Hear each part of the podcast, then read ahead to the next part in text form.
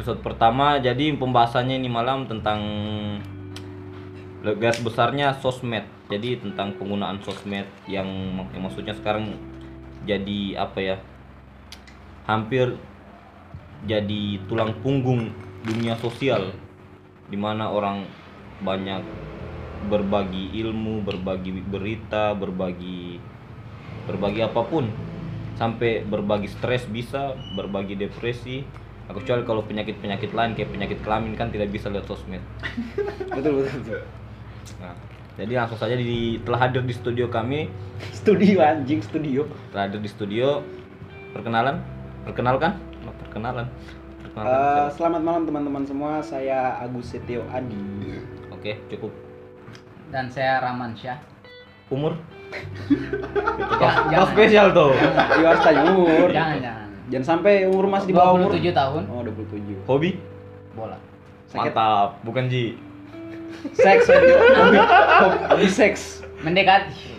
Kalau yang di depan ini Bapak Raja Acang nama nama sapaan yang paling akrab dan paling sering diberi sama orang. julukan bapak Pancasila tahu kalau gitu. bapak Raja- Pancasila Raja Konstitusi. Oke lah jadi nah ini mau bahas yang pertama ini jadi soal sosmed. Kan nih, orang semua pasti punya sosmed. Sekarang saya tidak. Why? jual HP Jual HP kan, tapi punya, Ada. Tapi Ah. sekarang saya tidak punya. tapi ada, Ada. ada, Akun ada sosmednya. Jadi kalau kayak korang ini, kayak kau Agus sos- sosmed mau kau gunakan untuk apa? banyak sih sebenarnya kayak pertama media informasi pertama tuh Hmm. Eh, kedua ya apa di ajang ajang pamer Aja, iya betul. pakai ajang pamer tuh media untuk pamer Iya. terus cari perhatian bisa tuh Betul betul. betul. banyak sih sebenarnya kalau saya sejauh itu sejauh ini ya itu dulu. Bang Bang Acang sendiri punya Eh, sosmed tapi punya Punya. Saya punya Twitter. akun fake ada fake. akun fake begitu Saya- untuk Untuk untuk stalking. untuk Cewek- stalking cewek atau, kan atau begitu. tidak sebar-sebar kebencian tuh second account tuh dan, dan, dan. saya punya saya saya tidak punya akun fake seperti itu. Selalu akunku yang Real. satu dan itu personal sekali. Oh, Kayak kayak Facebook saya cuma punya satu akun, kemudian Twitter punya satu akun, Instagram juga hanya punya satu akun. YouTube Terus eh, YouTube saya juga punya akun. Bah, iya ya. eh, apa kayak lagi sekarang ya kayak email. Oh iya email paling Ya, ya, penting itu. ya, ya. email saya punya email saya punya Gmail saya punya Yahoo. Yahoo.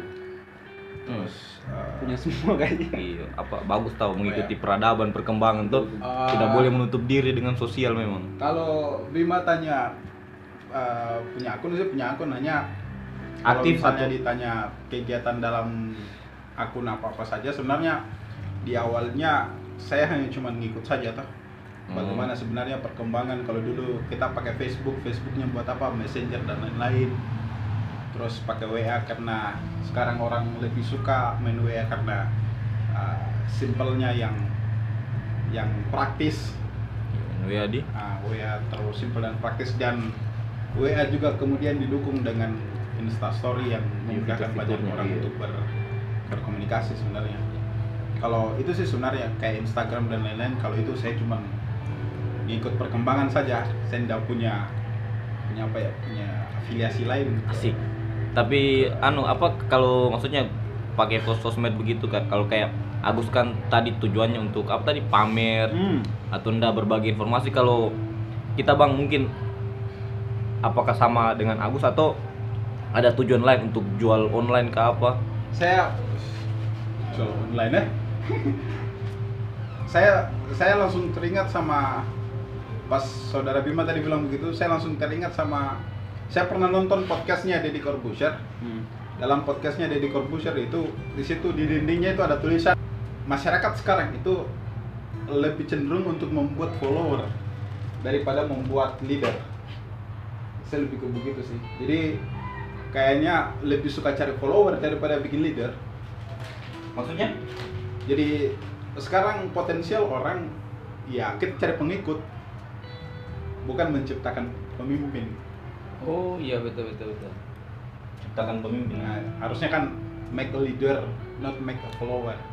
dari Deddy Corbuzier asik kita bilang kalau Bang Rahman sendiri punya sosmed yang walaupun sekarang sudah tidak ada Ada sih hanya aktif mungkin. Iya. toh. Wak- waktu dulu biasa sosmednya digunakan untuk apa untuk booking kah apa BO BO. Bio. Kalau saya tidak terlalu jauh beda dengan Agus. untuk berbagi informasi dan pamer Kalau pamer adalah tapi sedikit. tips-tips ya. Tipis-tipis ya. kalau Agus kan pansos orangnya jadi semua Iya toh, saya kan penghamba perhatian masalah ini. Sekaligus Harus eh, cari perhatian lewat sosmed. sekaligus menjalin silaturahmi sama keluarga. Hmm.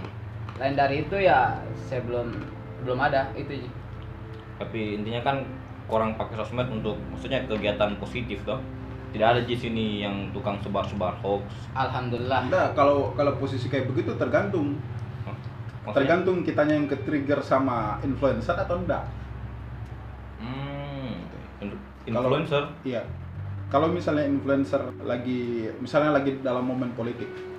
ah Misalnya kita kita lagi dalam momen politik terus uh, ada beberapa berita-berita yang yang tersebar di media massa terus karena kita mendukung salah satu figur sehingga kita ikut menyebarkan berita-berita yang seperti itu.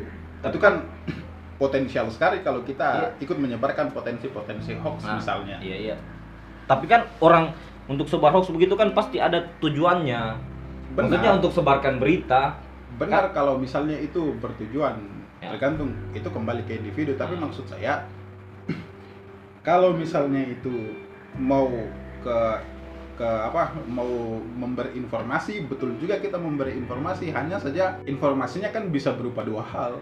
Apa-apa itu? Soal soal framing fact atau framing isu. Saya begini lanjut lagi eh, tadi. Kayak orang lebih terkesan ikut-ikutan dalam hal tentang bagaimana dia kayak mau yang penting rame lah begitu. Kalau orang lain sebar saya harus ikut sebar juga begitu. Ya. Jadi ada a- a- ada nama kondisinya itu kalau tidak salah kalau yang pernah saya baca namanya fear fear of missing out nah, itulah pokoknya tuh. iya Jadi maksudnya dia dia niatannya sebenarnya bukan bukan, Bukan. karena apa yang dia tahu lantas dia bagikan. tapi karena ingin tidak ingin ketinggalan Nah, isu di masyarakat Yang begitu. yang bahayanya yang Nggak bisa juga dibilang dia bahwa dia penyebar hoax karena dia tuh kayak korban juga sebenarnya. kondisional jadi Iya. istilahnya yang Ada berita sedikit, oi orang lagi lagi marak-maraknya nih maksudnya foto, sebar fotonya Jokowi, ah saya ikut juga lah sebar misalnya. padahal kan sebenarnya tidak perlu tidak perlu Tetap- karena sebenarnya ada media yang lebih lebih lebih daripada sekedar eh lebih apa nih maksudnya lebih terpercaya selain daripada informasi yang sifatnya begitu kayak misalnya lewat sosmed misalnya Instagram atau Hmm. eh, Facebook lah misalnya di atau Facebook paling banyak itu Nah, di Facebook kan yang paling banyak. Kan ada TV, media TV itu. Maksudnya kan di situ informasi yang langsung, toh, yang jelas dari sumbernya langsung. Kenapa nggak nonton dulu? Atau misalnya kalau memang dari sumber bacaan, kenapa nggak baca dulu media yang terpercaya misalnya, toh? Kan kita punya media-media yang terpercaya seperti taruhlah bisa Kompas ada, terus Suara Merdeka ada. Di situ kan informasinya jelas sumbernya. Nah, orang-orang ini yang kebiasaannya yang sebar-sebarkan kadang terpancing dengan judul. Iya. Nah, di Facebook yang paling sering itu yang di- bombastis judulnya Nah. tuh jadi istilahnya kayak sudah baca secara menyeluruh padahal hanya Baru Judul. baca judul, langsung ikut share. oh iya, Padahal belum tahu isinya apa. banyak begitu kalau tidak salah itu Akhirnya ikut menghujat juga kalau judulnya di framing misalnya ujaran kebencian. Mau ndak mau akan ikuti. Iya. Karena Ah. udah berpikir, ah orang ikut menghujat kayaknya kayak eh, orang ikut eh, orang lagi menghujat nih misalnya. Hmm. Jadi kayaknya oh ini hal yang buruk kayaknya padahal belum baca. Gara-gara framing judul ini. Oh, iya. jadi istilahnya kayak hanya sepintas saja dah lihat langsung di share Ya, tanpa saring dulu di kepalanya tuh sama kayak yang belum lama sih saya baca sebenarnya ini kayak ada satu artikel disebar di Facebook lah. Kebetulan yang sarang yang yang sebar ini angka angka ba- pembagiannya ini sempat tembus kayak 7000 kalau nggak salah. Banyak tuh terkait dengan berita uh, gubernur Jakarta. Isu nah, salah satu isu di kota itulah. Anis Anis nah, Anis. Anies dan disalahkan lah Anies terkait? Banyak- saya lupa sih sebenarnya apa tuh kalau nggak salah. Yang jelas Terus? isunya sudah lama. Buka pintu man. Saya kaget dengan dengan uh, caption yang orang yang bagikan ini. Kebetulan teman tuh yang bagikan captionnya. Apa dia captionnya bilang memang ini katanya gubernur anu ndak becus apalah saya penasaran saya buka artikelnya ternyata isi artikelnya itu sudah eh, beritanya sudah lama sekali itu sudah lama sekali baru dibagikan sekarang jadi kayak kesannya sesuatu yang apa nih bahasanya bagus sudah usang mungkin ya sudah usah dibahas lagi Udah tapi basi, nah, ya. tapi di framing seakan-akan bahwa ini hal yang baru gitu ya. hmm. bahwa kesalahan paling mendasar kita adalah kita gampang terframing. Framing maksudnya? Misalnya karena entah itu misalnya kita kurang literasi atau apa pun toh di luar daripada itu masyarakat Indonesia eh, generalnya itu lebih gampang terframing. Lebih gampang kena kena dogma lebih gampang kena doktrin. Hmm. sehingga di satu sisi kita juga belum bisa membedakan apa itu framing fact dan apa itu framing isu. Jujur, pertama kali saya dapatkan ini dari dari kepala peneliti eh, Metro TV, sorry, kepala peneliti Kompas, media Kompas, kepa, eh, kepala Litbang toh, Hmm. penelitian dan pembangunan ya kayaknya Hmm. Litbang itu, penelitian dan pembangunan Kompas, cewek, dia ngomong di Metro? TV, ibu-ibu sih. Oh, sorry man. Lanjut, lanjut, Sa- saat itu dia bilang bahwa sebenarnya dalam media itu ada dua hal yang paling mendasar. Ah. Bahwa apa yang ada yang disebut sebagai framing fact dan ada yang disebut sebagai framing isu. framing fact Framing- fakta fakta iya, fakta, Fakta yang di framing. Ah. framing fact itu misalnya ada satu kejadian pembunuhan, dijelaskan siapa korbannya, dijelaskan lokus dan tempus deliktinya, waktu dan tempat kejadiannya kapan. Itu dijelaskan secara rutin. Tetapi kalau misalnya isu itu hanya sebatas pengenalan sesuatu saja dan berhenti sampai di situ. Kemudian dibuatkan suatu judul seolah-olah ini menggambarkan apa yang sedang terjadi. hmm oh iya iya iya. jadi istilahnya kayak apa di bahasa kayak dikasih singgung-singgung tipis begitu Hmm. jadi Ah, tapi sebenarnya bukan itu anunya iya. hanya untuk dibentuk saja opini di masyarakat hanya iya tujuannya kan seperti itu untuk membentuk opini entah itu framing fakta ataupun framing isu tetapi satu hal yang saya pelajari selama lihat uh, mekanisme memframing ya. Hmm. selalu framing isu itu mempunyai tujuan. Entah tujuannya secara politis ataupun tujuannya untuk kemaslahatan banyak orang kita tidak pernah tahu. Tapi framing is eh, framing isu itu selalu punya potensi untuk mencari tujuan. tapi apakah salah maksudnya orang lakukan framing isu gitu? Itu salah. Kalau saya secara pribadi itu salah. Why? Karena dia menggunakan pengandaian dia masuk pada pada konsep pemikiran yang belief. Jadi oh ya saya percaya kalau Anies bagus kan orang orang dari framing isu itu akan muncul yang kayak begitu. Eh saya percaya kalau Oh. kalau Ali Mazi itu bagus. Saya percaya kalau gubernur atau wali kota Kendari misalnya bagus. Meskipun tanpa didukung dengan data dan fakta yang jelas. karena Oh, iya, maksudnya iya, iya. di di berita yang da, da baca juga mungkin yang da cari hanya untuk berita-berita Iya. yang baik-baiknya saja mungkin baik-baiknya saja kemudian tidak jelas apakah itu fakta atau isu. Iya, iya, betul juga. hampir sama kayak yang sama Asus sebenarnya tadi kayak maksudnya orang terkesan ikut-ikutan. Jadi akibat dari framing isu ini orang semakin banyak yang tahu semakin banyak tahu. Akhirnya orang ah oh ya kayaknya benar ini benar ini itu benar padahal ada belum cari tahu yang bagaimana yang sebenarnya kan belum tentu juga hanya karena banyak orang yang beritakan belum tentu Ya. benar. Bagaimana manto Iya, gampang terdoktrin tanpa fakta. asik sekali. Bahasa saudara memang itu apa? Mayoritas. Tapi itu kalau kurang yang, yang maksudnya kayak tanggapi situasi sosmed sekarang yang apa istilahnya kayak masif sekali. Masif sekali dan yang bahayanya banyak penggunanya sekarang anak-anak. Nah Ah, itu lagi. ma- ma- itu, ma- itu lagi. itu lagi masalah sebenarnya. Itu itu sebenarnya yang ini jadi masalah. masalah penting sekali karena kita tahu sendiri anak-anak kan maksudnya udah punya Tabe tabe. iya apa apa untung Kayak nggak kayak karbaran tuh masalahnya. Untung nggak visual pakai visual kan, kan perbedaannya anak-anak dengan kalau kayak kita kan kita kan istilahnya sudah punya beberapa apa di kayak mekanisme-mekanisme untuk nilai sesuatu apakah ini bermanfaat benar.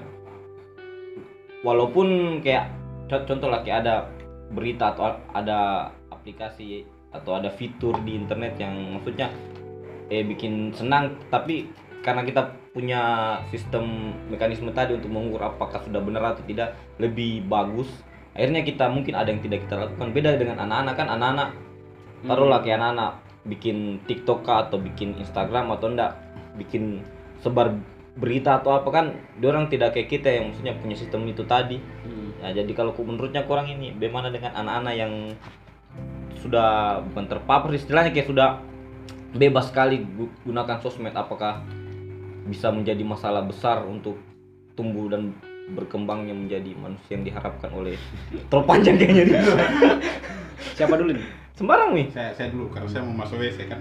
iya. Oh begitu. Saya- Oh, iya, betul. Mau bikin apa? Biasa. Nongkrong. Lanjut lanjut. Nah, Eh, ya mungkin itulah yang pernah saya sebut dengan Bima kalau ada satu sisi di mana kita akan sebut sebagai the beauty of social media. nice. Jadi betapa cantiknya itu sosial media sampai semua orang, semua kalangan, elemen masyarakat itu membuat berita semaunya, hmm. toh, sekena di perasaannya, Hmm. kemudian dimasukkan atau diposting sebagai sesuatu yang bisa kita baca dan kita analisa oh ya ini orang ternyata begini oh ya ini orang ternyata begini kita kembali ke anak kecil tadi. Anak kecil kebetulan saya habis nonton ILC oh, kuat berarti nih. taruhlah anak-anak umur ya ya. SD SMP lah. Yang maksudnya Kategori anak kan di bawah 17 tahun. iya yang ma- yang maksudnya masih remaja pemikirannya. Remaja sampai ke bawah yang kan? ya yang secara umur masih kayak saya. Gitu ya? Ya. Pemalsuan, pemalsuan data diri lagi. anu ini apa perilaku tidak menyenangkan tidak terpuji lanjut lanjut lanjut yang dari ILC tadi soal anak misalnya kita ambil dari apa yang disampaikan sama Sujiwo Tejo dalam beberapa cuplikan tayangannya di media sosial. Wah, Jadi Sujiwo Tejo itu uh, dia bikin suatu cerita tentang maling kundang. hmm. Oh iya iya Sujiwo Tejo itu bikin satu cerita tentang maling kundang. yep Kemudian audiensnya itu rata- rata-rata anak-anak remaja ke bawah. audiensnya itu rata-rata anak- anak-anak remaja ke bawah. Terus mereka disuruh menilai apakah yang harus dikutuk ini ibunya tahu atau anaknya. Hmm. dan Rata-rata menjawab yang harus dikutuk adalah ibunya why why why karena ibunya terlalu memanjakan anaknya. Disalahkanlah ibunya maksudnya. Iya, karena kalau dia tidak manja itu anaknya tidak akan mungkin dia bandel sama ibunya. iya betul juga karena banyak begitu sekarang Iya. Jadi sebenarnya prioritas bagaimana untuk mengukur sejauh mana potensi anak-anak itu menggunakan media sosial ada di orang tua. Edukasi dari orang pengawasan lah. Iya, ada ya, di kontrol. sekolah, ada di orang tua. Saya jujur orang yang paling sepakat kalau bilang anak-anak di sekolah tidak boleh bawa HP. Iya. Serius. tapi kalau yang maksudnya apa Sampai ada pembunuhan misalnya anak-anak nonton film horor kemudian dia membunuh yang yang baru-baru vi- Iya. viral ini yang baru-baru viral itu.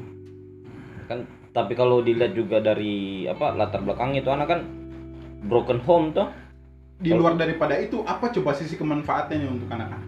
kalau untuk saya pribadi penggunaan handphone atau sosmed ini Sosmed. Sosmed. Kau pakai handphone pasti kau pakai sosmed. Ya mau tidak mau memang Iya. otomatis untuk zaman sekarang untuk zaman sekarang kau pakai handphone? Pasti pakai sosmed. Ta- tapi adekku adekku yang kecil yang SD kan masih kelas 3 Di- dikasih pakai HP tapi HP yang center.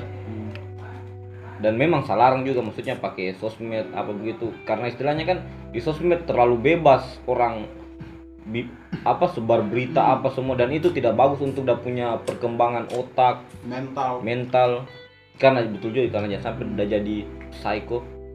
Kan itu itu anu selesai dan mulu katanya dan rasa apa apa kan. Hmm. psikopat itu dia tidak punya rasa empati dan simpati. Akhirnya ada suka lakukan hal yang apa dah mau kayak membunuh apa tanpa ada rasa bersalah. Kan kalau kayak kita yang masih ya normal lah kejiwaan kita. tidak mungkin kita mau bunuh orang Ke- karena kita karena kita proyeksikan dirinya kita bagaimana kalau kita dikasih begitu. Aku bikin aja.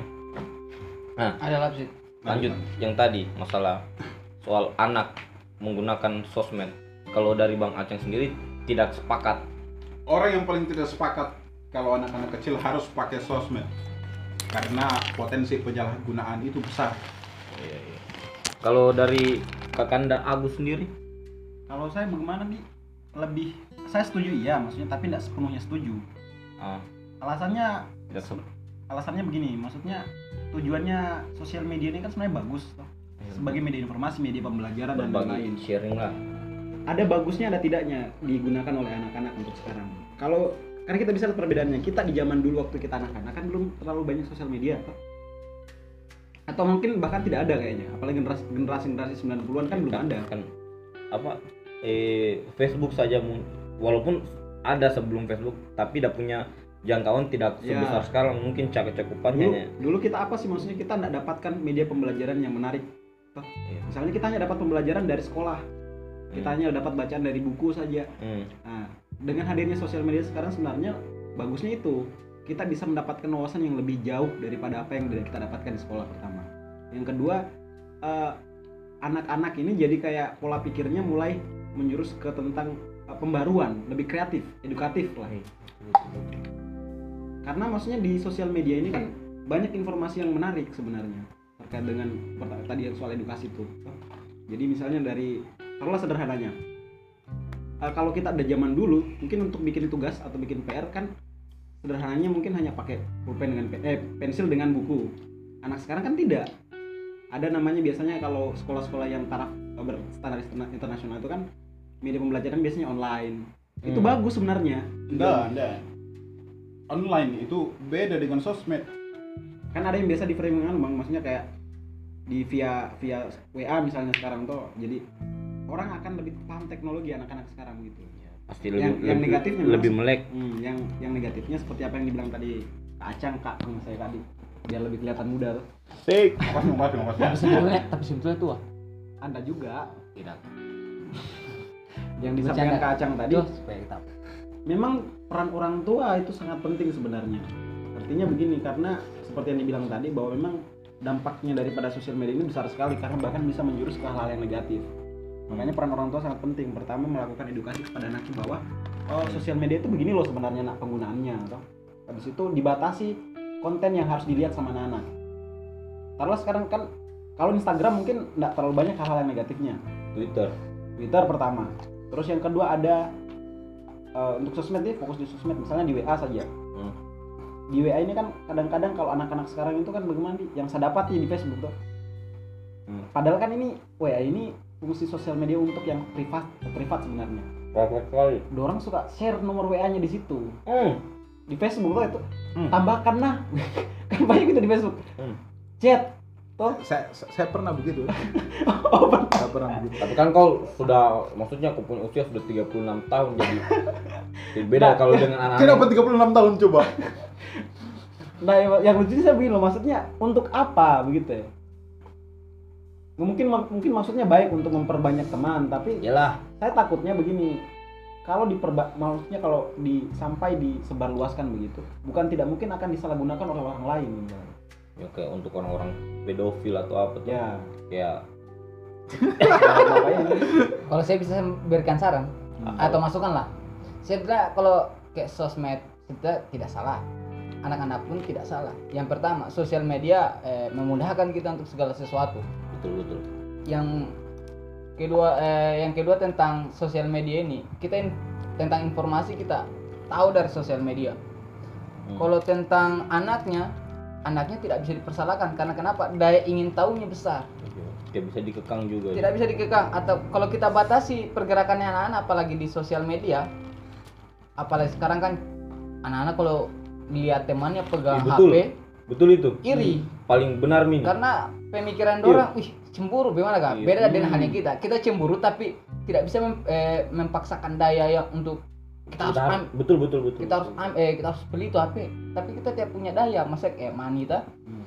kalau anak-anak kan eh mengilu dengan orang tua. Hmm, jadi kalau seandainya tidak dibelikan kayak ih orang tua kayak Ah. tidak peduli sama saya Beh, nah itu rusak tuh, mental lagi. itu tuh pengaruh sosmed itu. Hmm. apa yang dibilang sama Bima tadi itu pengaruh sosmed.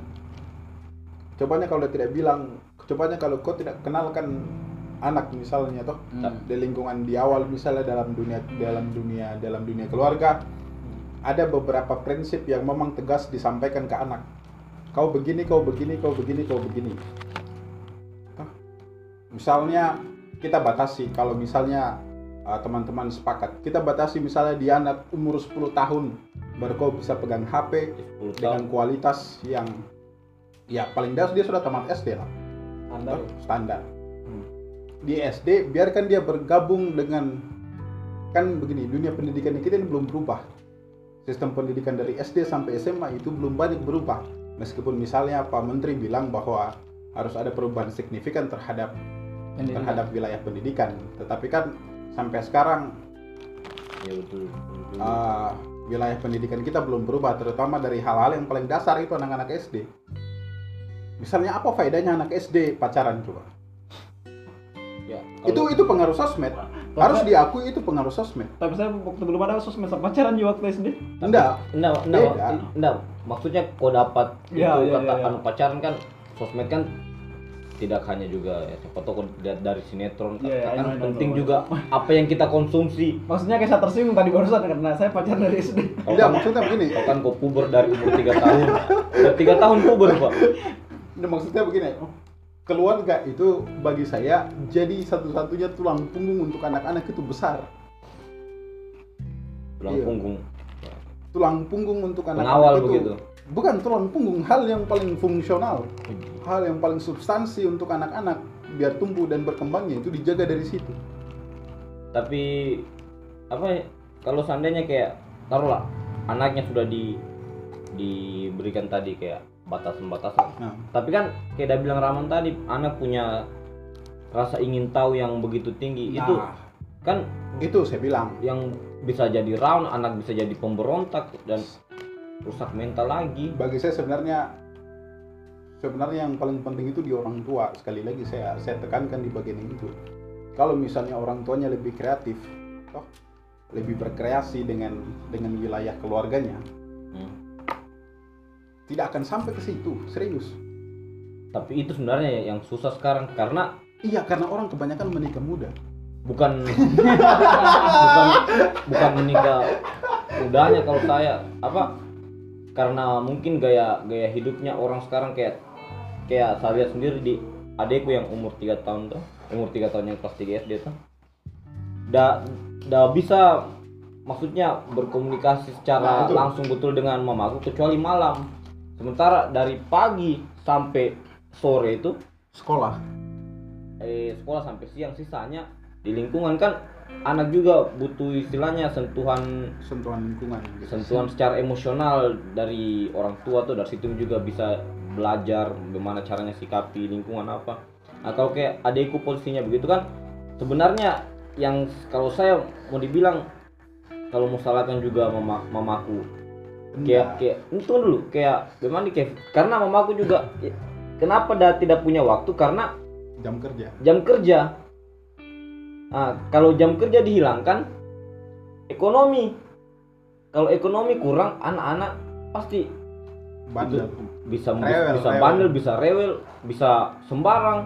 Apalagi kalau udah lihat nih teman-temannya yang maksudnya kayak tadi Rahman udah bilang punya begini, saya tidak punya kan bikin Inse- sebenarnya. insecure anak-anak bukan bikin punya mental jadi bagaimana kayak bisa jadi psikopat lah. Itu yang maksudnya kalau untuk kalau kayak tadi yang kau bilang apa kontrol dari orang tua memang penting penting. Tetapi kalau kita lihat secara garis besar agak susah juga karena gaya hidup kita sekarang kan kau tahu sendiri kayak anak-anak. Masih ada kan anak-anak mau belikan HP Nexian atau enggak? Nokia lah Nokia yang communicator enggak lah pasti maunya. Minimal Xiaomi yang bisa main PUBG yang RAM-nya 24 giga kalau karena kalau kau 2 giga kau nggak bisa main PUBG udah habis update tinggi sekali pak kan anak-anak yang yang maksudnya dorong dorong tidak lihat dari segi ekonominya berapa lama kau harus simpan uang dari gajimu untuk bisa dapatkan ini HP walaupun kau harus cicil dan itu kau akan korbankan waktu lebih banyak lagi kau sampai lembur dan ketika berkurang waktu untuk anakmu nanti anakmu udah punya Kalau kalau saya begini loh maksudnya terlepas daripada itu toh bukan berarti mau menyalahkan orang tua juga sebenarnya begini loh. tidak Kalau bisa tidak susah efek juga sosial media efek ini kan maksudnya begini loh kayak di sosial media kalau kita bahas tadi jauh jauh jauh tahu itu jauh sekali. jauh sekali tapi berkaitan sebenarnya Sebenarnya begini loh. Penting sebenarnya itu ini yang kurang sebenarnya dalam media pendidikannya kita atau ranah pendidikannya kita. Kita tidak mendapatkan edukasi tentang bagaimana sih cara yang eh, yang baik menggunakan eh, teknologi zaman sekarang lah. iya. Sederhananya begitu. Entah itu mau sosmed ataupun apa. Ini harusnya ada di sekolah karena begini alasan yang pertama tadi mungkin kalau kita mau bankan bentuk eh, kontrolnya eh, anak ini terhadap orang tua agak susah. Betul. Pertama karena ada permasalahan jam kerja. Terus eh, anak-anak normalnya itu kan eh, hampir mungkin 12 jam menghabiskan waktunya di luar. Taruhlah sekolah. Betul selebihnya di rumah mungkin malam. Malam kan mungkin hanya sekitar berapa jam saja. Jam itu pun dipotong lagi dengan waktu-waktu Ya. istirahat. Sebenarnya di sekolah itu penting untuk diberikan edukasi terkait bagaimana sih penggunaan penggunaan sosial media yang baik. Sekalipun memang pada dasarnya kan anak-anak itu rasa ingin tahunya tinggi sekali. Iya. Nggak bisa mau dibatasi. Hanya perlu di, dibijaki lah dengan cara uh, di, dikasih batasan. Batasan dalam artian oh ini yang baik cara penggunaan sosial media. Atau misalnya yang oh, yang hal yang bisa positif dapat dari sosial media yang ini saja loh kalau yang begini nggak baik begitu loh. Ini harus penting ditanamkan dan itu harus dimulai dari sekolah sebenarnya. Nah yang kesalahannya kita di di med- di ranah pendidikannya kita mau dari jenjang apa pun kalau kita boleh uh, ukur dari zamannya kita sampai zaman sekarang tidak ada pembedaan. Maksudnya? Tidak ada maksudnya karena sistem pembelajarannya gitu-gitu saja kan? Mungkin hanya yang diperbarui itu hanya eh, tahun terbitan buku. Oh hanya tahun terbitan buku. Selebihnya tidak ada. Kayak sistem apa begitu Ya. nggak ada yang dirubah. Akhirnya menjurus ke masalah tadi yang anak-anak kan uh rasa ingin tahunya tinggi sekali. Akhirnya Hmm. ada lahirlah sosial media. Sosial media kan di situ. Kok harus? Banyak informasi yang bisa didapatkan. Nah, karena tidak ada edukasi terkait dengan penggunaan sosial media yang baik akhirnya Iya. dia cari tahu sendiri. Baru tidak dikontrol dengan nah. dengan baik juga tapi ya itulah salah, salah, salah satu dampak buruknya kalau anak-anak dibiarkan bukan dibiarkan apa kayak tidak dikontrol pakai sosmed. Tapi satu lagi sebenarnya yang lebih berbahaya bukan anak-anak saja. Apa? Ibu-ibu.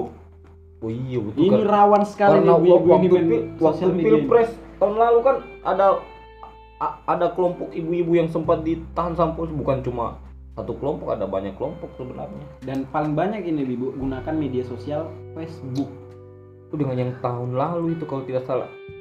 Ada yang istrinya tentara kayak itu yang dia anu, ya dicopot jabatan di kendari sini tuh. gara-gara sosial media kan? Gara-gara sosmed. Dia komen beberapa hal di sosial media dan dianggap itu langgar mencederai etik begitu. Langgar etik. Dia kembali lagi ke sosial media. Itu mi maksudnya kalau saya kita harus apa lebih lebih dewasa lagi dalam bukan lebih dewasa apa lebih bijak lah. Bijak. Karena kalau hanya dewasa aja banyak orang dewasa tapi modelnya di sosmed kayak anak-anak. Nah yang Kalau sebenarnya begini, secara legalitas sebenarnya kita sudah diatur bagaimana penggunaan sosial media dalam undang-undang ITE. Tahu tapi kan tahu sendiri tidak semua orang baca undang-undang. Dan semua orang malas pusing soal itu. iya. Maksudnya secara secara leg- le- legalitas udah ada koridor untuk ya sudah melarang ada koridor untuk tidak terlalu uh, apa kajili-jili komen sosmed. liar Nah,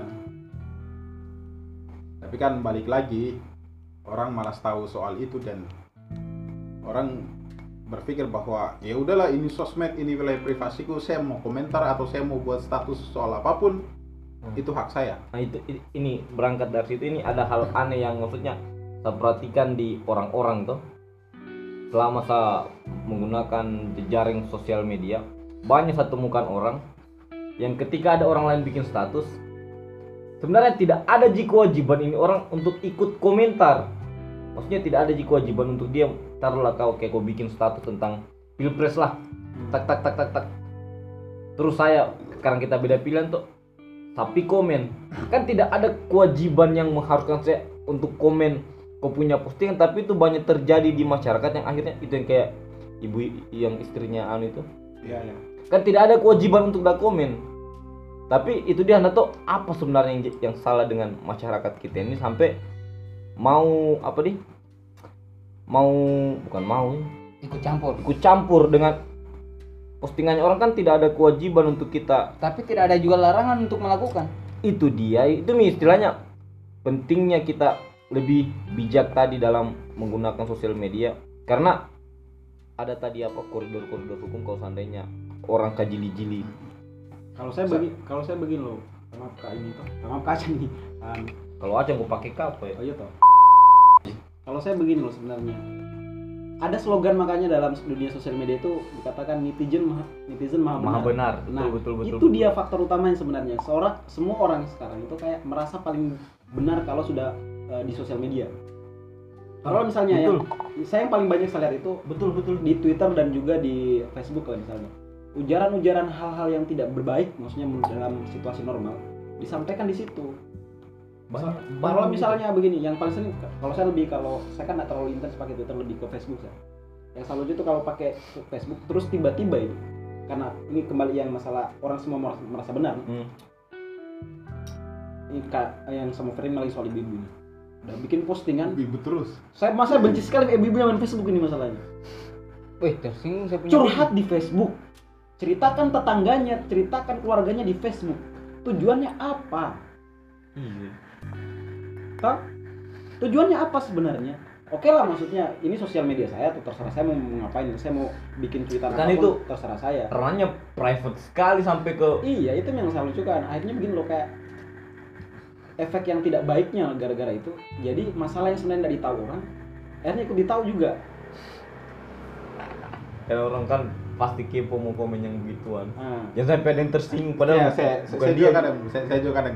Kalau misalnya dapat postingan begitu saya komentar gas bu gas. Makanya, makanya saya, saya kalau saya dapat begitu yang saya anggap nyeleneh tuh kayak anggap anggap yang miring misalnya begitu saya, saya suka screen baru suka saya share juga tuh saya bilang tujuannya apa hanya memang perilaku saya, tidak menyenangkan hanya kan begitu. saya, saya, saya samarkan saya samarkan Blur. yang si penggunanya Iya, itu. dicoret mukanya yang selalu banyak sekali yang saya dapatkan kayak bagikan ujaran kebencian di situ terus eh, curhat di situ kayak seakan-akan eh, dia yang paling benar di situ apalagi kalau masalah yang seperti yang kayak di awal dia bang Aceng, kayak Kak Aceng tadi sampaikan persoalan eh, isu politik misalnya toh.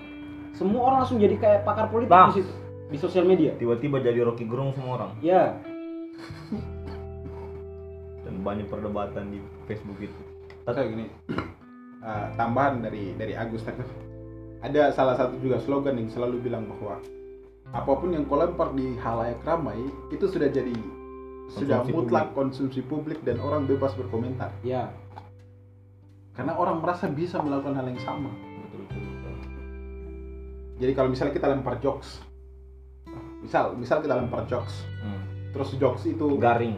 Eh, enggak maksudnya kita kita sadar bahwa yang buat jokes itu adalah kita. Hmm. tapi kita pakai untuk orang lain. Maksudnya ada orang yang dengarkan itu dan yang dengarkan itu dia pakai. Kita kan kita tidak bisa menuntut meskipun itu milik kita yang buat kita yang ciptakan. Sama seperti status. Kalau kau sudah lempar di umum itu Iya. sudah jadi bahan bahan bahan diskusi oleh untuk banyak orang jadi kau tidak boleh marah sebenarnya sama jika kau lempar daging di kawanan serigala kan ya mungkin kau mengharap udah langsung jadi herbivora semua Lah, kayak memulai lagi itu karena sekarang kan khususnya di Kendari kan atau wilayah Sulawesi Tenggara lah mau ada pilkada kan? iya. saya maksudku begini loh oke lah itu sosial media kamu terus terserah terserah mau kamu bikin apa kan di situ mau bikin postingan apa tapi saya maksudku begini coba gunakanlah sosial media yang baik dan benar atau bijak lah singkatnya Hmm. kalau mau share informasi share yang bermanfaat jangan yang eh, menjurus ke hal-hal yang kurang baik atau memberikan doktrin-doktrin yang sifatnya menyesatkan. Apalagi di isu-isu pilkada begini itu kayak banyak sekali Ih. kan itu di Facebook khususnya itu saya nggak tahu kenapa. Apalagi mau pilkada mulai ini ya. Eh, itu seru. Semua orang kayak jadi pintar semua di situ saya bilang astaga. Pakar politik tuh. Jadi ya, itu yang yang selalu lucu kan tuh kayak taruhlah di di Facebook yang yang tadi pilkada Muna tuh Ah, saya lihat postingan-postingannya orang kayak bukan bukan hanya pendukung tapi lebih ke fanatisme saya lihat semua pak. Fanatisme buta. Fanatisme buta. Padahal kalau mau dibilang kan ini ada sehabis nonton di stand up comedian tuh. Dia bilang katanya itu perdebatan kayak tadi kayak taruhlah tapi dua kepala daerah tuh yang be- yang maksudnya berkontestasi ini dua sebenarnya ini dua orang sama ji. Karena ketika nanti salah satunya terpilih tapi orang akan kerja dalam sebuah sistem yang sama juga. Jadi istilahnya begini kayak taruhlah ada kotak koko crunch tuh. Kan udah punya logo situ koala. Koala. Mau diganti dengan harimau rasanya tetap koko crunch.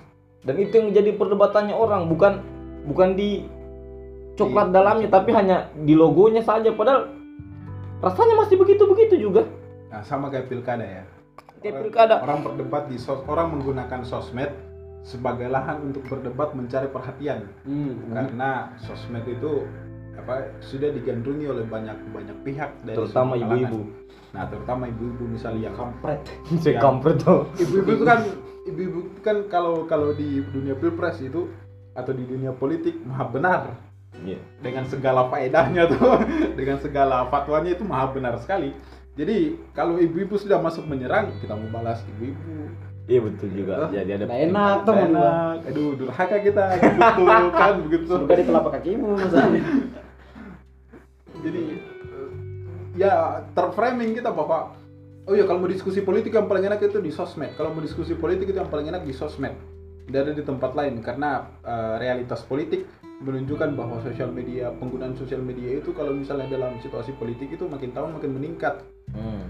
Ah, misalnya kita yang 4.0 dan lain-lain tah.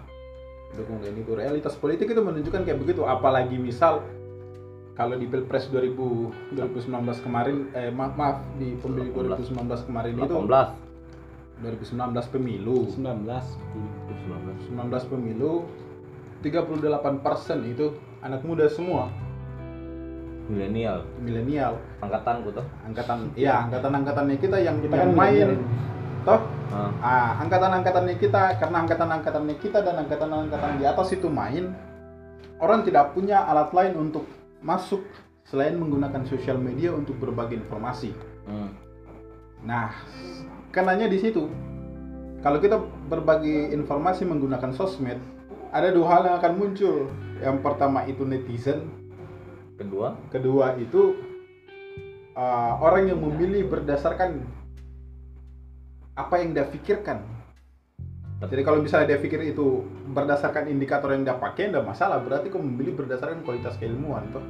Tapi kalau misalnya netizen kan, nah itu beda lagi. Netizen itu untuk hal-hal yang kafir, haram, kan? Saya saya tidak mau bilang yang aneh-aneh, tapi maksudku saya lurus kalau pinggang ya maksudku yang kayak kayak begitu yang yang langsung yang langsung serang kita akhirnya kalau sudah dibilang begitu bentrok lagi. Sudah bilang begitu bentrok lagi. Sudah bilang begitu bentrok lagi. Ini yang menjadi booming. Ah, influencer. Berangkat dari yang tadi tuh yang booming booming kan sekarang ini lagi bukan hangat sih sudah panas membara soal isu virus corona tapi kurang ikuti ji bagaimana kasusnya tuh kan sekarang itu apa nih kayak kalau sa- saya saya perhatikan kayak di Indonesia kayak sedang apa nih mau kayak kiamat. Ti- tidak bu- bukan jauh kiamat kayak ini kan kayak kekacauan tuh ini kacau ini. Ah, kita lagi jalan begini nih mau menuju ke sini menuju ke kekacauan ini. Ka- karena yang tadi salah satunya penggunaan sosmed yang orang sharing berita ada yang framing lebih banyak framing isu daripada framing fakta terkait ini kasus corona. Contoh lah kayak dari berita yang saya dapat tuh total yang yang maksudnya meninggal dari salupaan anu apa itu 4% dari jumlah keseluruhan orang yang kena corona ini. Tapi kan kalau aku perhatikan di sosmed sekarang kayak seolah-olah corona ini kayak tidak ada nih orang yang selamat. Padahal angka kematiannya kecil sekali Nah, itu dia kembali ke yang dia bilang Agus tadi orang baca baca berita hanya lewat judul judul. langsung kayak wah semuanya nih. Saya tadi habis ditelepon sama orang tuaku corona. Iya karena saking khawatirnya mungkin orang tuaku sampai-sampai dia cari HP tetangga untuk video call. Karena dia khawatir dengan corona tuh. Tapi kan itu keluar-keluar dan lain-lain. pentingnya sebenarnya kita ya salah satu yang tadi aku bilang the beauty of sosmed ya salah satu tidak bisa juga kita salahkan. Kan orang dapat infonya kalau bukan dari sosmed dari mana lagi? Tidak mungkin. Dari burung yang bawa pesan kayak zaman dulu pak. Ya mungkin kita pelihara elang pak. Tapi kalau bagus menyikapi hal yang terjadi sekarang ini bagaimana dengan penggunaan sosmed. Sa- seperti yang kembali saya bilang di awal sebenarnya kayak tujuannya hadirnya sosmed kan sebenarnya bagus. Terus eh, informasi yang kita dapatkan kan juga bagus karena kalau tidak ada sosmed kemarin ini kan kita nggak tahu bagaimana sih cara mencegah khususnya untuk corona ini nah Hmm. Nah, di situ kan banyak informasi yang berkembang terkait dengan oh oh ini loh cara untuk mencegahnya oh ini loh untuk cara untuk menghindarinya Hmm.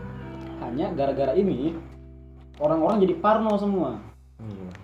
panikan Nah, kayak kayak mau kiamat. Bagaimana kayak ih kacau semua ini kayak orang bayi kan postingan kiamat. Mau kiamat, mau kiamat, mau kiamat. Padahal ini kan bisa aja sebenarnya. Maksudnya ini hal yang sederhana sebenarnya kalau dipikir. karena ada yang sembuh Ada yang sembuh. banyak lagi Bahkan sebenarnya begini.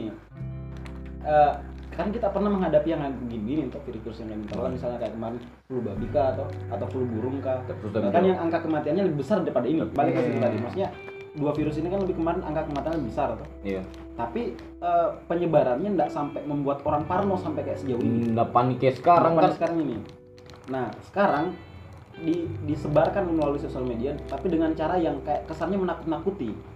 Iya iya akhirnya orang kayak berpikir wah nggak bisa mungkin saya hidup ini atau wah saya mati nih kayak ini. Padahal padahal tidak ada gejala mak- maksudnya ada jika tapi kayak batuk-batuk. Tapi kan siapa tuh batuk biasa? Karena sekarang kan musim hujan kalau untuk di kota Kendari. Nah, Indonesia juga musim hujan.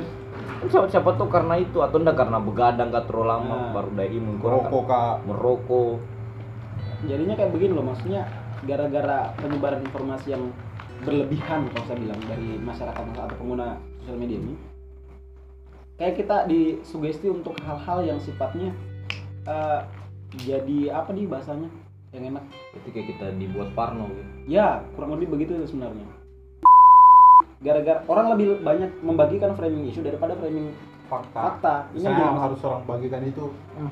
soal bagaimana uh, kita menjaga daya imunitas tubuh. Hmm. Itu penting itu. Meskipun tak ada virus ataupun ada virus, kita iya tetap ha- harus karena masalahnya kan virus bukan cuma corona Virus bukan cuma corona. Penyakit bukan cuma corona. iya banyak penyakit tapi gara-gara di framing jadi sebuah isu yang sifatnya kayak bagaimana nih kayak global untuk harus dikhawatirkan ah jadi kayak wah ini kayak harus di ah, Padahal kayak sebenarnya- tidak se se Berbahaya iya, tidak seberbahaya tidak Maksudnya gini, se- berbahaya kalau kita di Cina.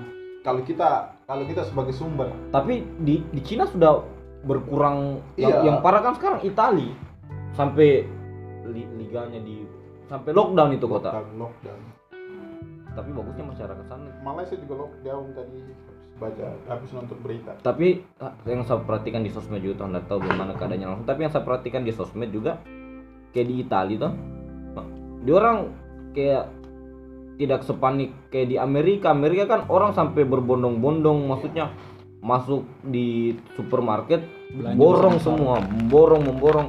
Nah itu yang sebenarnya yang kalau menurut saya ditakutkan yang terjadi di Indonesia. Itu mi kayak orang-orang yang upload upload berita di kayak tadi kau bilang kayak dibikin parno itu kan tidak membantu sama sekali dengan keadaan kita sekarang ini. Karena ini corona ini bukan coronanya sih kayak keadaan seperti ini di mana penyakit menyebar yang bisa akibatkan kayak lockdown. Kan mati semua roda kehidupan ekonomi pemerintahan orang yang mau ketemu pacar karena sange tidak bisa. Ah itu wih. Itu kan bahaya. Betul betul betul. Kayak kau mantok kau tidak pernah ketemu cewek karena HPmu tidak ada? Jadi hubungan dengan corona apa? Tidak ada sebenarnya hanya mengganggu kau aja itu sebenarnya sal- salah satu keburukan. Sebenarnya yang buruknya bukan sosmed sih. Orang yang menggunakannya. Orang menggunakan. Karena kalau mau dibilang ba- itu tadi yang kayak pernah saya bilang sosmed itu kayak kayak pisau. Alat ya? Iya. Tergantung siapa yang menggunakan. Dan untuk apa digunakan? Kalau Arnold yang pakai kan bisa jadi makanan enak chef Arnold. Iya. Kalau Rahman kan ya bisa. Buruk tidak. Eh siapa tuh kok jadi chef Rahman. Hmm. why not? Kalau sudah ada yang baik berarti ya tidak pilihan lain selain buruk ya. Eh, tidak juga. Iya karena hanya dua pilihan baik buruk. Baiknya Arnold buruknya berarti saya. Ah, tidak tuh. Kau man selalu terbaik man. Tapi kau ini dari tadi diam-diam coba kau anukan tanggapanmu terkait sosmed sekarang ini yang yang maksudnya orang sekarang menggunakan sosmed kayak bukan tujuan awalnya diciptakan. Kan kau tidak salah Mark masuk ke ber Ah, ber- kan yang maksudnya walaupun Facebook di bu- 2004 deh. Kurang tahu sih nggak sana baca. 2004 yang penting Facebook lah sebagai pioneer sosmed untuk dengan jangkauan terluas sampai seluruh bumi. Kan pertamanya dong bikin hanya untuk di Harvard saja.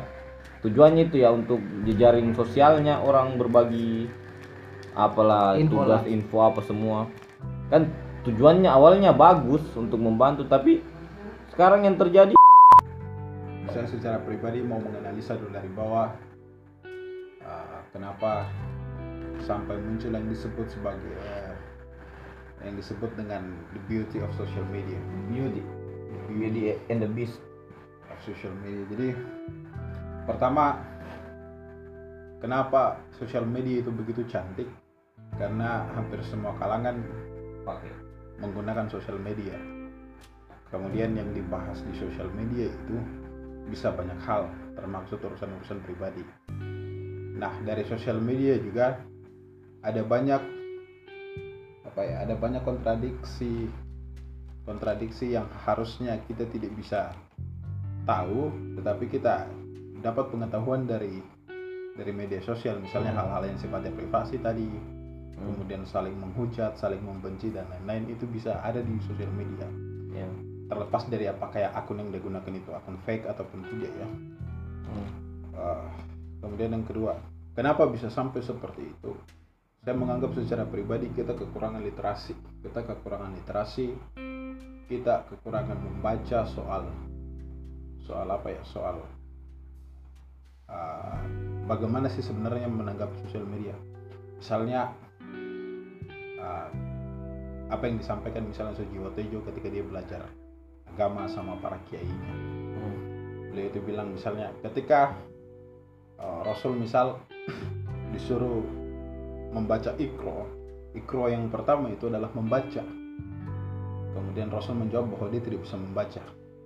Kemudian diulang lagi ikro ikro yang kedua. Ikro yang kedua itu adalah memahami. Sampai ikro yang ketiga itu adalah menyadari. Jadi level kita itu baru hanya di level membaca. Level ikro yang pertama. Jadi harus sampai menyadari. Harusnya sampai menyadari karena menyadari itu sudah dilakukan dengan tindakan. Itu yang disebut dengan sadar. Kalau sadar itu berarti kita lakukan dengan tindakan. Nggak salah pakar kita datangkan salah. Ah. Ra- rajin-rajin kita datang. Karena pencerahan kita butuh tuh. Udah dalam gua kita ini terus ini saya dapat dari Sujiwo Tejo sendiri yang bilang yang ngomong kayak begitu dia belajar sama kiainya. Loh dia kayaknya yang belajar belajar dari kita kan? Begitu kan kayaknya saya cukup terharu dengan lanjut lanjut malam itu. tuh. Ah, sebe- sesungguhnya literasi yang dimaksudkan itu adalah literasi dari pertama sampai ketiga dari Ikro Hmm. itu yang itu yang saya maksud dari literasi. Dari kita baca dari sampai kita baca sampai kita sadar. Sadar. Bahwa membuang sampah itu tidak tidak bagus. baik tidak bagus. Ah, Di mana jadi kita tidak boleh buang sampah. Kita sadar dengan dengan pola kehidupannya kita kita tidak boleh buang sampah. Iya. Tapi kan kita kadang lah sampai level kedua atau sampai level pertama. Sampai level ketiga itu susah sekali. Kecuali kita mungkin marifat dan lain-lain. Tapi terlepas dari itu pun kan mari kita terlepas dari itu pun kan ya sudahlah. Jadi saya ingin simpulkan bahwa sosial media itu adalah tempat orang berbagi cerita. Cerita di mana saya mau luapkan apa yang ada dalam pikiranku. Apa yang buat saya terganggu apa yang buat saya terbatasi. Saya ingin simpan di sosial mediaku terlepas dari apakah dia butuh komentar atau dia tidak butuh komentar itu urusan lain tapi yang penting saya sudah sampaikan apa yang saya pikirkan. Saya sudah sampaikan apa yang saya inginkan. Kalau ini menjadi bahan pembelajaran untuk banyak orang syukur. Kalaupun tidak menjadi bahan pembelajaran orang untuk orang paling tidak ini sudah menenangkan diriku. Kayak terapi. Ya. Nice kayak kayak keren Baskara. keren keren keren. Kayak Baskara Hindia kalau da- dari kau Gus tentang sosmed ini tentang lu untuk kan datang kan biasa. Tausiahnya. Saya siang malam ini ya? Kalau saya apa nih? cahaya di Sebenarnya- di sebenarnya saya sudah sampaikan berulang-ulang dari tadi sebenarnya. Eh, penggunaan sosial media itu sebenarnya lebih ke cobalah lebih bijak kok kalau saya tahu lebih bijak terus lebih memfilter apa-apa yang harus kita eh, posting atau kita bagikan dalam sosial media kita. Karena kan eh, kita nggak tahu ini batasan usia eh, pengguna pengguna sosial media atau yang pengikutnya kita misalnya atau yang kita berteman di sosial media. Terus yang selanjutnya yang paling penting ini tolong ibu-ibu ini berhenti curhat di Facebook. Itu aib keluarga, Anda dosa. menceritakan aib keluarga ke masyarakat umum apalagi lewat sosial media baru hidupkan kolom komentar iya itu kalau Allah komentar atau malaikat komentar bagaimana coba itu ibu tolong berhenti curhat di sosial media Enggak, sebenarnya bukan ibu-ibunya yang salah pertanyaannya sini kenapa kau berteman sama ibu-ibu di sosmed ah itunya juga kenapa bisa Nggak tahu. Kenapa kau harus berteman dengan ibu-ibu coba? saya kan Ada banyak orang di sekelilingmu, kenapa harus ibu-ibu? saya coba? menerapkan prinsip bahwa surga itu telapak kaki ibu kalau Nice. satu surga saya di- eh, kalau satu surga satu ibu bagaimana kalau saya berteman dengan banyak ibu-ibu? Berarti banyak semakin banyak surga yang saya dapatkan kalau begitu dengan anak hukum memang saya bikin ini podcast jadi itu saya tadi. pecinta saya kok Analisis normatifnya jelas ya. komunitas pecinta ibu-ibu dia apa? Tapi tuh Jadi- coba berhenti curhat di sosial media intinya gunakan sosial media ya tidak ada yang peduli dengan hidupmu di sos- kenapa kau sharing di sosial media? Kau bukan put alam semesta. Mau kau mau telanjang di situ mau kau mau lagi sebentar ada baku hantam dan suamimu di situ nak pus kita nak pusing begitu Iya, betul juga. Jadi intinya intinya untuk ibu-ibu. Ibu-ibu. Tolong lebih saya tekankan ke ibu tolong lebih bijak dalam menggunakan sosial media. Ya, bukan hanya untuk ibu-ibu saja semua orang. Semua orang lah kalau saya tapi saya lebih fokus ke ibu saya sangat benci sekali nih ibu-ibu yang suka curhat di berarti kok benci surga? Bagaimana gitu? Enggak cong. Terserah juga bagaimana kalau dari kanda Raman tadi yang diam-diam terus sebenarnya ada apa kak? Coba. Sebetulnya saya ingin menyimpulkan. Mam, asik notulen ah, menyimpulkan Kang dari Maman, Kang pembahasan Maman, Kang Maman. Kak Acang ini dan Kak Agus ah, Yang pertama, saya tidak bisa mempersalahkan apa pun dan bagaimanapun keadaannya. Karena kenapa? Karena Nabi pun tidak bisa mengelakkan suatu zaman. Zaman sekarang kan. pantas diam-diam dari tadi Berisi pale. Jadi kalau mau dibilang sosial media, enggak dipersal eh, tidak bisa kita salahkan dan tidak bisa dipersalahkan.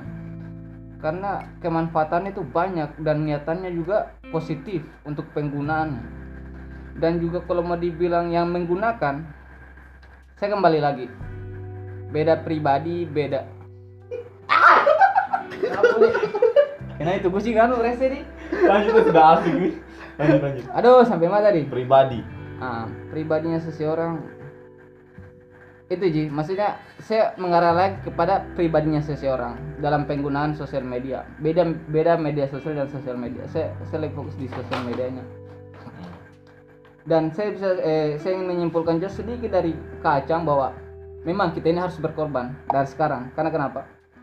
Ke depan anak-anak kita ketika kita memiliki keturunan maka proses pembelajarannya kita sekarang ini akan menjadikan pengalaman dan cerita untuk mereka pelajari. Jadi kalau untuk saya dari situ, jadi saya tidak perlu mempersalahkan, tapi ya harus kita mulai dari sekarang. Karena kata Kak Acang, ikro, ikro, ikro. Memang. Membaca, sadari dan me- eh Iya. memahami dan sadari. diam-diam memang apa istilahnya itu air yang tenang Air yang tenang Pasti dalam tuh. Pak. air yang tenang pasti dalam baru ada buayanya Iya? Nah, kalau dari saya mungkin kita kembali ke apa tujuannya itu sosmed dibikin ya. Kalau se pengetahuan sependek asik nggak istilahnya biasa orang tuh sependek pemahaman saya. sepe- sependek pemahaman saya itu kan sosmed tujuannya untuk berbagi informasi berbagi informasi lebih cepat dari sebelum-sebelumnya. Kan kalau dulu orang berbagi informasi lewat burung. Iya lewat burung. Hokage kayak di Naruto, Naruto. Lewat pembawa pesan yang naik kuda berhari-hari. Tapi karena dengan adanya sosmed semua itu bisa dipangkas. Bisa dipangkas. Jadi kalau kayak orang bilang apa waktu tidak bisa dibeli bisa.